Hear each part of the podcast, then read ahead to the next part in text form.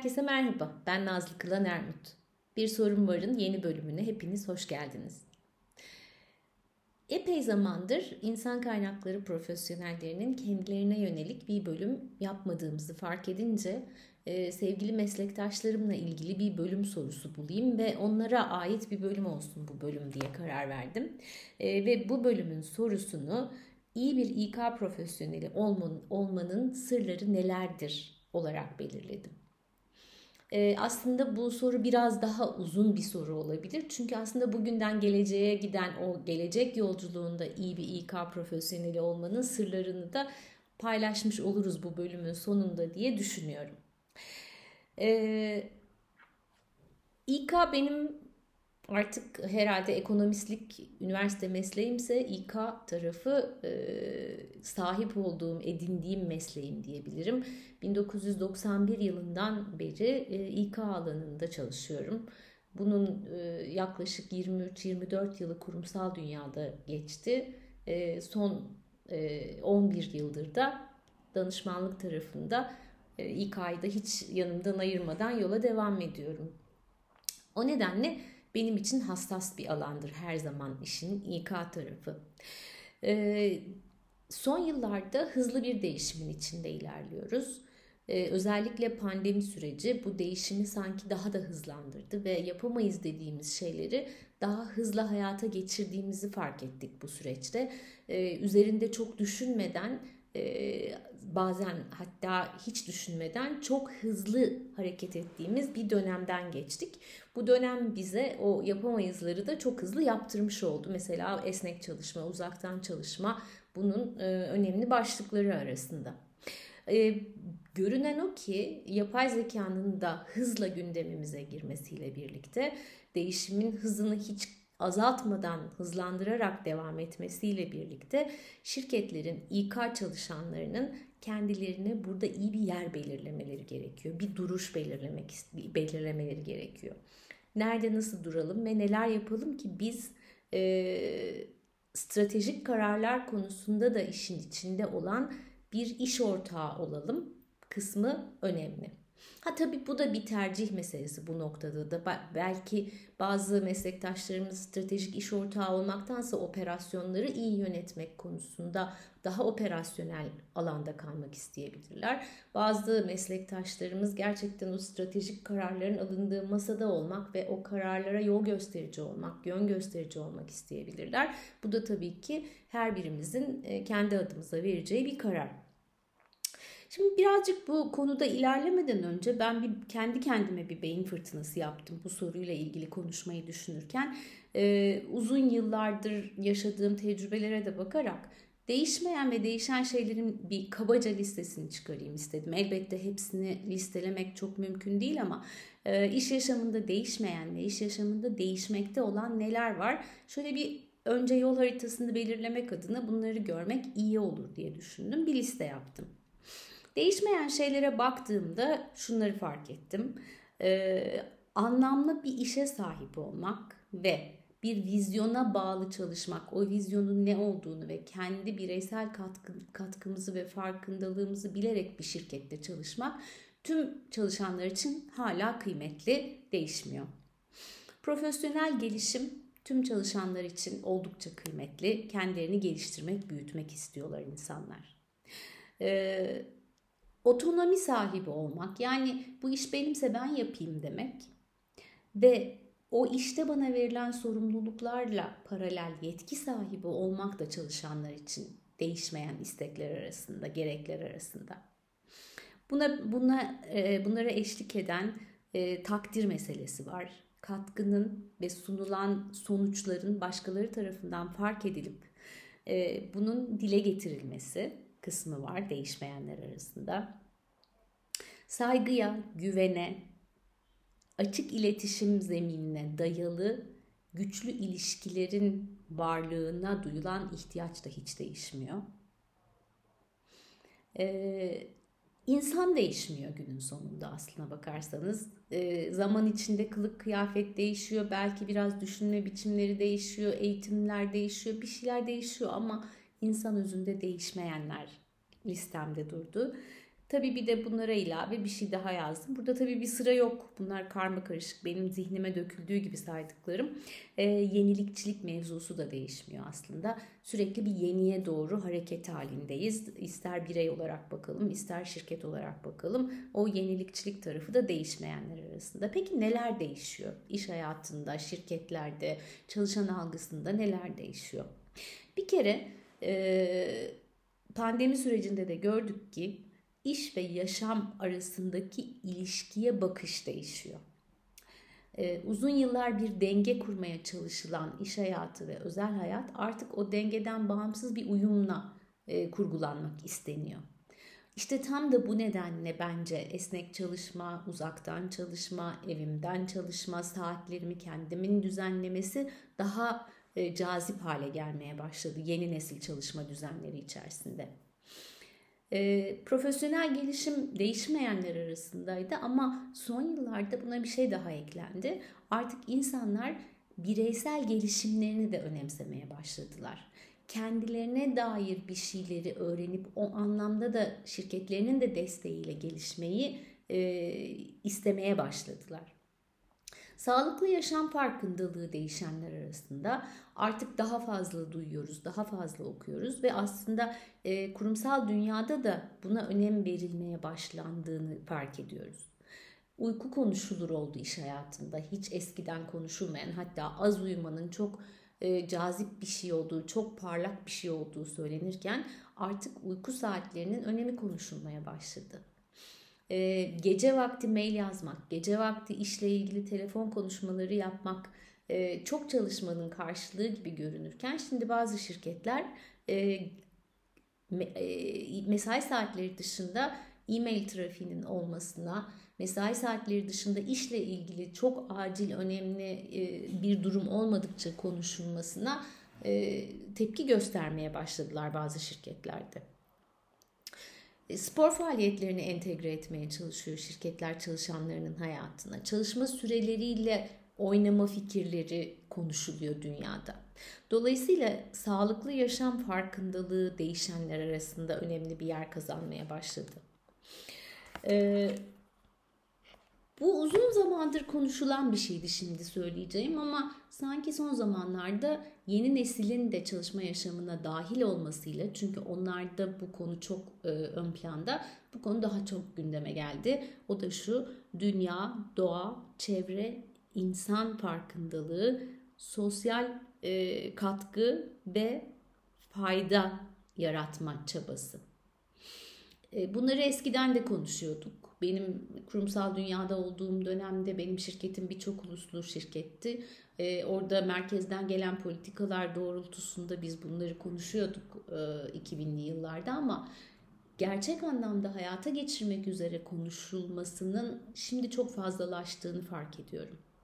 Ee, gençlerin özellikle Z kuşağı gençlerinin e, pek çoğuyla konuşsak onlardan duyacağımız şey dünyaya, çevreye, doğaya, iklime karşı bir şeyler yapmaya ihtiyacımız olduğu olacak. Dolayısıyla bu konuda yavaş yavaş şirket gündemlerinin değişen önemli maddeleri arasında bence yerini alıyor. Hatta belki de e, bugünden geleceğe dünyada inşallah öyle olur bu dileğim gerçek olur. Şirketler tabii ki kar amacı güden e, varlıklar. E, kar amacının tam yanına oturtacakları bir hedefe dönüşme ihtimali bile olacağını düşünüyorum. E, çalışanların tercihleri düşünüldüğünde dünya doğa çevre iklim farkındalığına yönelik bir şeyler yapılmasının. Değişen şeylerin arasında bir şey daha e, var. Daha henüz çok az az var ama artık iş sonuçlarının ne kadar önemli olduğunu fark etmeye başladı iş dünyası.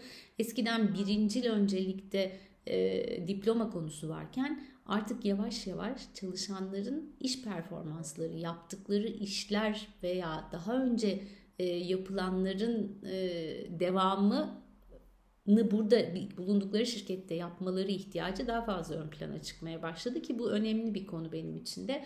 E, çünkü insanların elbette iyi bir üniversitede okumuş olmak, iyi bir eğitim almış olmak önemli ama insanların oradaki başarısıyla iş hayatındaki başarısı arasında %100 doğrudan bir bağlantı olacak diye bir kural olmadığı için buradaki e, bu dönüşüm değişimin önemli olduğunu düşünüyorum.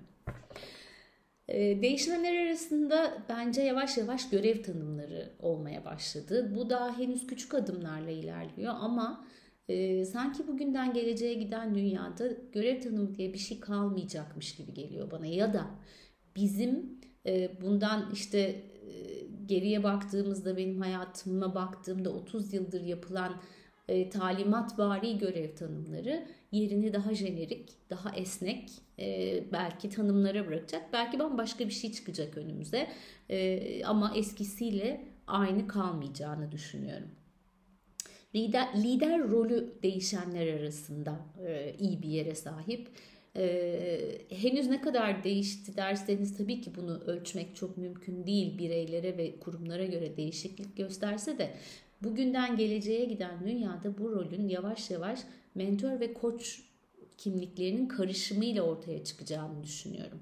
Çünkü liderlik dediğimiz şey yol göstermek, yön göstermek ve insanların kendi yönlerini, yollarını bulmalarına yol arkadaşlığı etmekten geçiyor diye düşünüyorum.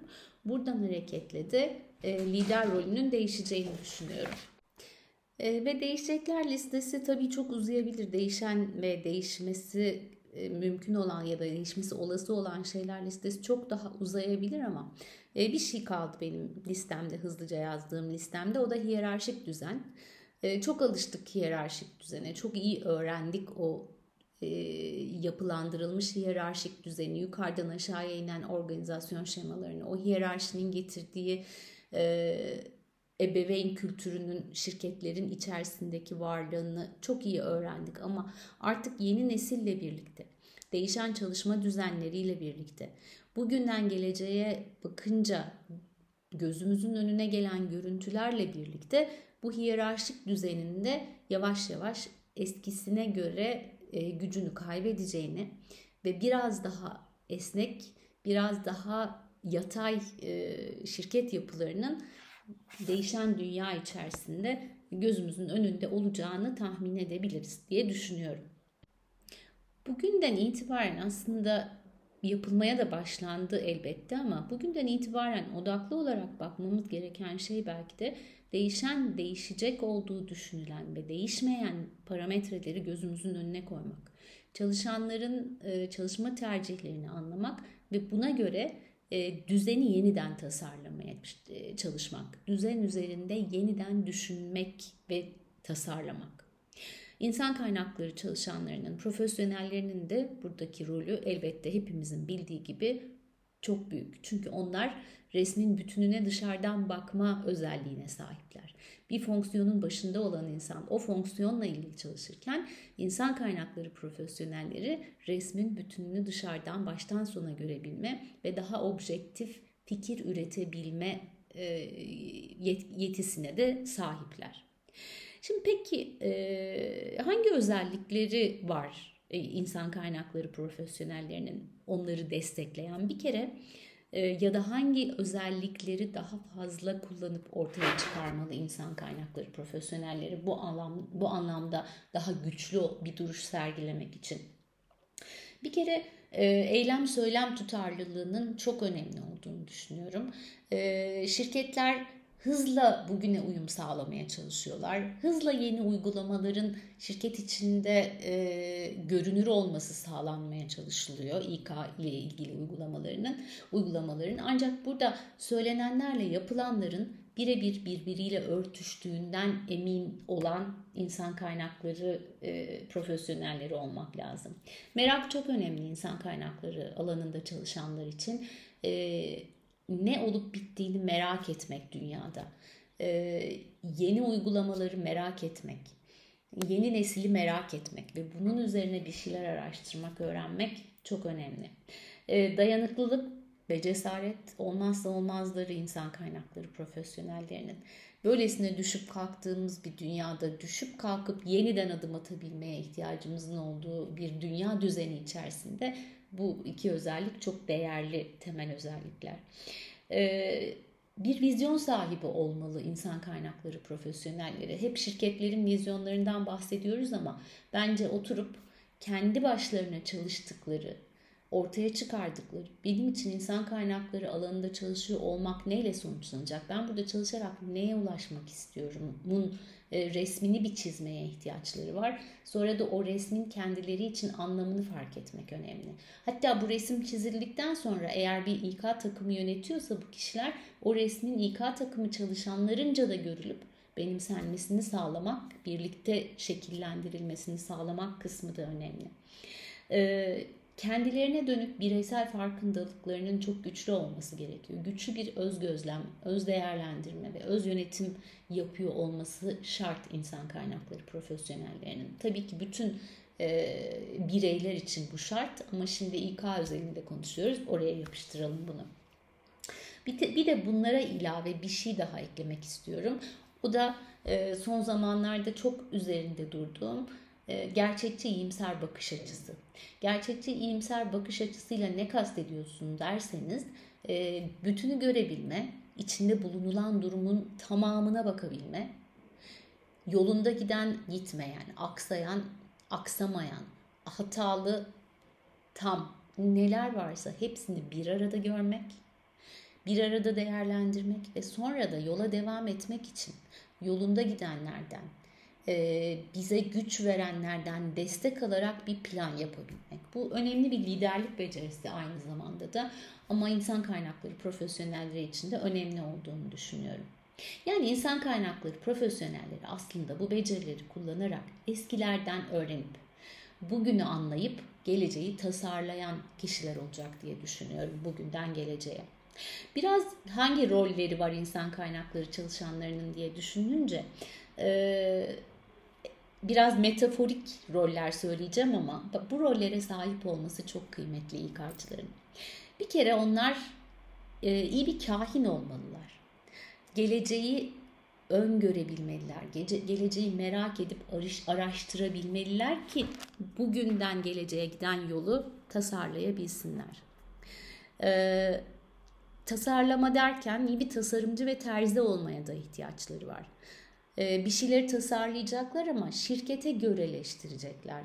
Hani nasıl ki bir terzi bir provayla elbisenin kişiye göre olmasını sağlar ve ona göre diker. Aslında tam da buna ihtiyaç var. Yani dışarıda gördüğümüz bir şeyi alıp buraya koyalım. Çok moda bu. Birçok şirkette yapıyor. Bizde de olsun demek değil bize göre ne olur? Belki de bu hiç olmaz. Belki de bunu biz tamamıyla farklı bir şekilde kendimize göre dikeceğiz diyebilen kişiler olmaları gerekiyor. Dünya çok hızlı değişiyor. Acayip veri erişimimiz var.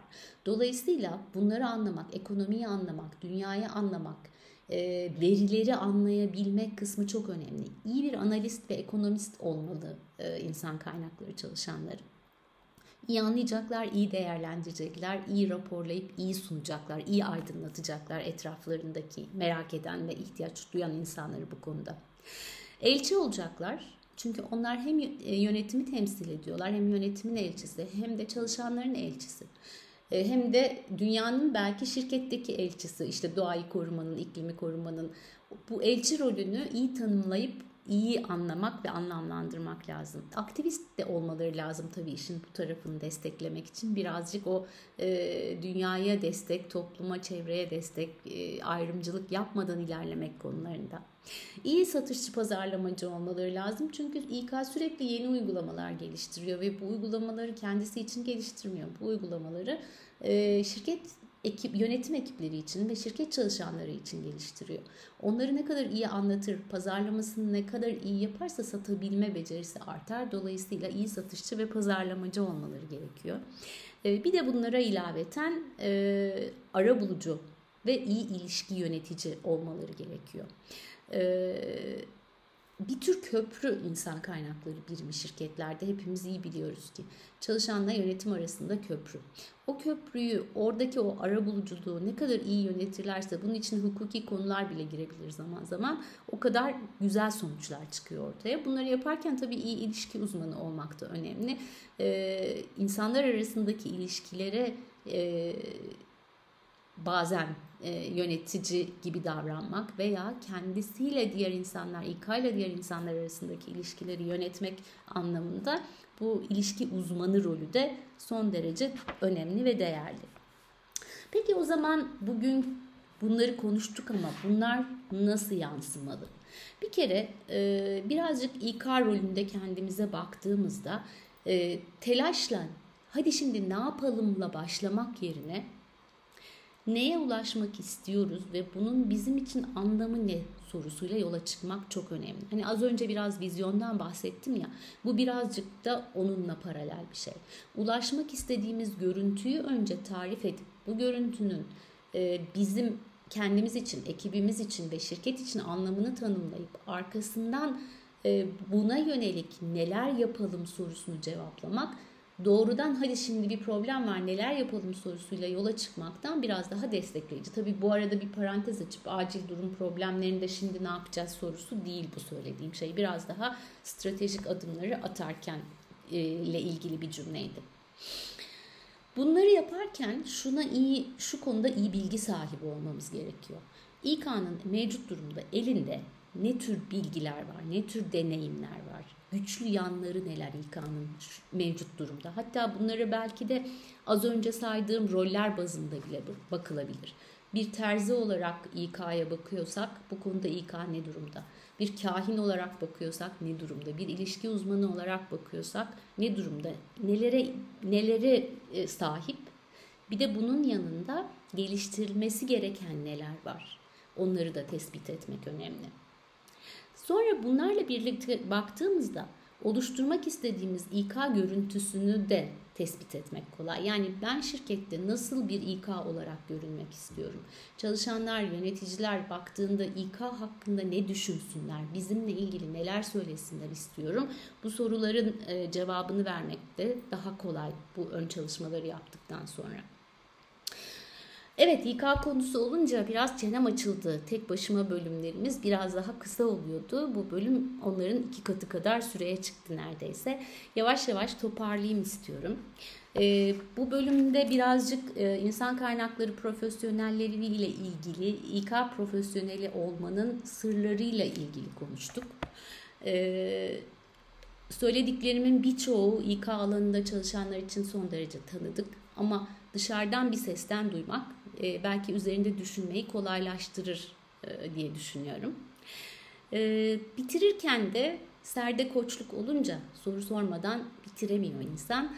E, beni dinleyenlere bu konuda beni dinleyenlere birkaç soru bırakarak bitirmek istiyorum. Üzerinde düşünebileceğiniz sorular bunlar. Sonra belki benle de paylaşmak isterseniz elbette memnuniyetle sizleri duymak isterim. Sosyal medya hesaplarımdan da yazabilirsiniz. E, bana mail de atabilirsiniz. Ee, sorular şunlar. İlk soru dinledikleriniz, bu bölümde dinledikleriniz sizde ne oluşturdu? Dinlerken aklınızdan, içinizden neler geçti? Ve bunlarla baktığınızda sizin nasıl bir İK vizyonunuz var? Ne canlandı gözünüzde? İkinci soru, bu dinlediklerimden kendinize birkaç tane yeni hedef oluşturacak olsanız Eminim birçok hedefiniz var ama kimseyle paylaşmanız da şart değil. Kendinize ait yeni birkaç hedef oluşturacak olsanız bunlar neler olur? Son soruda az önce saydığım tasarımcı, terzi, kahin, analist, arabulucu, elçi gibi rollere sizce bugünden geleceğe giden yolda İK'ya hangi rolleri eklemek iyi olur? E, diyeceksiniz ki zavallı İK bütün bunları yapacaksa o günlük gelen e, işte çalışan problemlerini, e, sistemlerde çıkan küçük arızaları, o oldu bu olmadı, yemek kötüydü, servis gelmedi problemlerinin bir de üstüne nasıl yapacak? Ama ne yapalım işte İK'cı olmak zor iş diyerek ama çok da keyifli bir iş diyerek bu bölümün sonuna gelelim istiyorum. Ee, evet bugün e, bugünden geleceğe iyi bir İK profesyoneli olmanın sırları nelerdir sorusu üzerinde e, sohbet ettik. Size düşünme soruları bıraktım bir parça. Bakalım e, neler çağrıştıracak bu bölümün sorusu ve içindekiler dinleyenlere. Bir sonraki programda buluşuncaya kadar e, hoşçakalın deme zamanı geldi. Beni dinlediğiniz için teşekkür ediyorum. Kendinize iyi bakın.